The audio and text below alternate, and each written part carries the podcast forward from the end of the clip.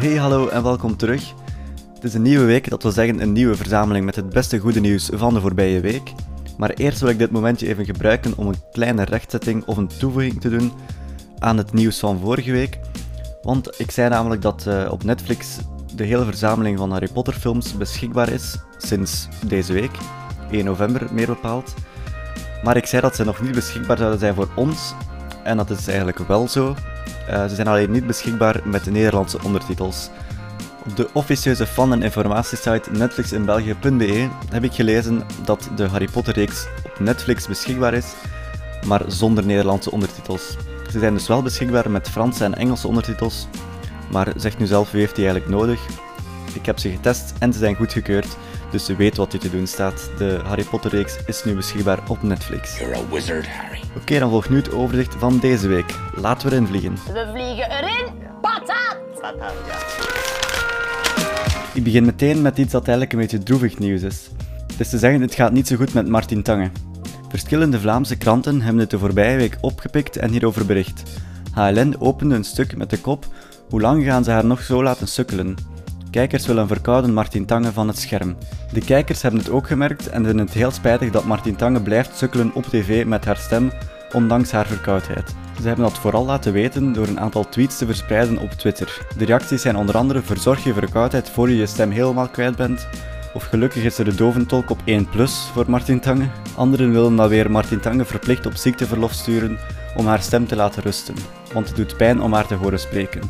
Dit is een stukje uit het begin van het VRT-journaal van 7 uur van woensdag 31 oktober.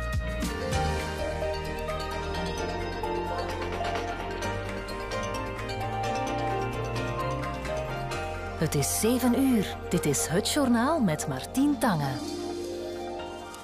Goedenavond. De staking van Avia-partner op de luchthaven van Zaventem is voorbij. Het personeel van de bagageafhandelaar is weer aan het werk gegaan, gesterkt door het akkoord dat de vakbonden na lang onderhandelen bereikt hebben met de directie. 960 vluchten werden de voorbije dagen geannuleerd. Maar aan de vooravond van het lange Allerheilige weekend verloopt alles weer bijna normaal. Zoals je dus kan horen gaat het niet al te best met Martine en haar stem. Voor nu was het haar laatste journaal van de week, denk ik. Wie weet is ze volgende week terug van de partij en is ze dan helemaal genezen met een veel betere stem. Het Vlaams Instituut voor Archivering, afgekort als VIAA, heeft een site gelanceerd die mensen uitlegt hoe ze audiovisuele dragers zoals filmrollen, cassettes of LP's kunnen digitaliseren. Dat schrijft VRT Nieuws. Het platform van de Vlaamse overheid wil daarmee voorkomen dat een heleboel beeld en geluid verloren gaat. Vandaag bevinden onze muziekbibliotheken zich niet meer in een stoffige kast, maar wel op onze telefoon onder de naam Spotify. DVD's hebben dan ook plaatsgemaakt voor een abonnement op Netflix. Het Vlaams Instituut voor Archivering wil daar dan ook graag verandering in brengen. Met de lancering van de website kenjedrager.be willen ze mensen leren hoe ze hun audiovisuele dragers van stenocassetten over VHS tot Blu-ray kunnen digitaliseren. Wie bovendien op zolder een vondst doet die hij of zij niet meteen kan thuisbrengen, kan ze dan via kenjedrager.be identificeren. Ga dus snel kijken of je op zolder nog oude LP's of VHS-cassettes hebt liggen die misschien geld waard zijn of die je wil laten digitaliseren en surf zeker naar kenjedrager.be. Ondertussen is er een nieuwe maand, het is november, dat heb je waarschijnlijk al gemerkt, en dat brengt altijd een heleboel vernieuwingen met zich mee. VRT Nieuws heeft er een aantal opgelijst. Het eerste zal je misschien wel al gemerkt hebben deze zomer, maar vanaf 1 november mag je geen rolkoffers meer inchecken als handbagage bij Ryanair en Wizz Air. De klassieke trolley mag dan ook niet langer aan boord als handbagage. Eerder was nog bekend dat reizigers die een ticket hadden geboekt voor 1 november ook moesten betalen om hun handbagage in te checken. Maar dat werd aangevochten en die regel is nu ingegaan vanaf 1 november. Wie nog handbagage mee aan boord wil nemen, moet zich dan nog beperken tot een handtas van normale grootte, een rugzak of een laptoptas. Ook lage kostenmaatschappij Wizz Air volgt het voorbeeld van Ryanair. Wie vliegt met de Hongaarse maatschappij mag dan nog maar één stuk handbagage meenemen aan boord. Die afmetingen zijn 40 bij 30 bij 20. Wizz Air en Ryanair maken wel een uitzondering voor mensen met een priority ticket. Zij mogen dan wel een groter stuk handbagage meenemen. Vervolgens kan je nu ook bestraft worden met een gasboete bij overlast op een trein. Wie dus overlast veroorzaakt op treinen, in stations en op stationsparkings, kan vanaf 1 november een administratieve geldboete krijgen, beter bekend als een gasboete.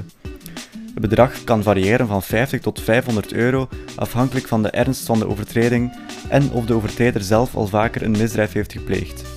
Ook minderjarigen vanaf 14 jaar kunnen op die manier bestraft worden, al loopt die boete voor hen maximaal op tot 175 euro. Overtredingen die met administratieve geldboetes bestraft kunnen worden, zijn in vier categorieën ingedeeld. Die boetes worden dan ook niet uitgeschreven door agenten, maar wel door treinbegeleiders, perronpersoneel en CQL-agenten. Die konden al eerder PV's opstellen, maar die moesten altijd via justitie gaan. Om die geldboetes te kunnen uitschrijven, zal het treinpersoneel legitimatiekaarten moeten dragen, waarop hun familienaam en de eerste letter van hun voornaam te zien is. Rond het dragen van die naambadges ontstond er commotie bij het treinpersoneel. Zij vrezen er namelijk voor dat ze bij ernstige overtreders achtervolgd zullen worden op sociale media of vrezen er zelfs voor dat treinreizigers hun adres zullen kunnen achterhalen. Vervolgens verandert er ook nog iets als je je rijbewijs wil behalen in Brussel, dan moet je namelijk eerst een EHBO-opleiding volgen. In het Brussels gewest maakt een EHBO-opleiding vanaf 1 november deel uit van de rijopleiding. Het is ook het enige gewest in ons land waar kandidaatbestuurders eerst zo'n opleiding moeten volgen voor ze achter het stuur mogen. De vorming bestaat uit een theoretisch luik dat van thuis uit via internet kan gevolgd worden en een praktisch gedeelte van drie uur praktijkles. Brussels staatssecretaris voor Verkeersveiligheid Bianca de Baat zegt dat ze het ziet als een investering in de verkeersveiligheid van alle Brusselaars en bij uitbreiding van heel het land. De positieve aan het plaatje is dat de kosten voor de cursus volledig voor de Brussels gewest zijn. Als laatste krijgt de rechtbank van koophandel een nieuwe naam. Op 1 november wordt het ondernemingsrecht gemoderniseerd. Dan krijgt het begrip onderneming een nieuwe definitie. En dat moet leiden tot meer rechtszekerheid. Door die wetswijziging verandert ook de naam van de rechtbank van koophandel. Die zal nu ondernemingsrechtbank heten. De nieuwe rechtbank zal ook bevoegd worden voor landbouwers, vrije beroepers en VZW's. Zij worden ook als ondernemingen beschouwd en zullen dan ook een ondernemingsnummer moeten hebben. De hervorming van minister van Justitie Koen Geens ontmantelt het wetboek van koophandel met verouderde basisbegrippen als handelaar en koopman. Dat wetboek bestaat namelijk al sinds de tijd van Napoleon, waarin kleinhandel de voornaamste commerciële activiteit was. Die nieuwe definities moeten meer aansluiten bij de realiteit anno 2018. Als voorlaatste heb ik heel goed filmnieuws van eigen bodem, want Girl, het filmdebuut van Lucas Dont, heeft deze week zijn 100.000ste bezoeker behaald. En dat na amper twee weken in de Belgische bioscopen, schrijft VRT Nieuws. De film kwam in Belgische bioscopen uit op 17 oktober en ook in Frankrijk zijn er al meer dan een kwart miljoen bezoekers naar de film gaan kijken. Sinds de wereldpremière in Cannes, waar Girl bekroond werd met vier prijzen, waaronder de Camera d'Or voor beste debuut, is de film bezig aan een indrukwekkende internationale festivalcarrière. De teller van internationale filmprijzen komt stilaan naar 20. Daarmee mag Girl als officiële Belgische Oscar-inzending ook een gooi doen naar de Academy Award voor beste niet-Engelstalige film. Als je de film nog niet gezien hebt of als je niet weet waarover hij gaat, Girl vertelt het verhaal van de 15-jarige Lara die het wil maken als ballerina. Samen met haar vader trotseert ze de wereld, maar vooral haar lichaam dat tegenstribbelt, want Lara is namelijk geboren als jongen. Een aanrader. Het laatste nieuwtje is misschien niet meteen goed nieuws, maar ik schrok er ook niet van. Want 4 op de 10 studenten hebben een drankprobleem, schrijft VTM Nieuws. Onderzoekers maken zich ongerust over het alcoholgebruik van Vlaamse studenten. Een grootschalige bevraging door de KU Leuven bij eerstejaarsstudenten vertelt dat 37% van hen te veel alcohol drinkt. Vijf jaar geleden was dat nog maar 26%. Ronnie Bruffaert van het Universitair Psychiatrisch Centrum van de KU Leuven vertelt dat bij die problematische drinkers alcohol een grote impact heeft op hun leven. Ze slapen minder goed, veroorzaken overlast op straat, komen minder naar de les enzovoort. Zelfs hun punten lijden eronder blijkbaar. Hun gemiddelde jaarpercentage ligt tot 11% lager. Een eenduidige verklaring voor de stijging van het alcoholmisbruik heeft de onderzoeker echter niet, maar hij verwijst wel naar een normalisering van het overmatig drankgebruik.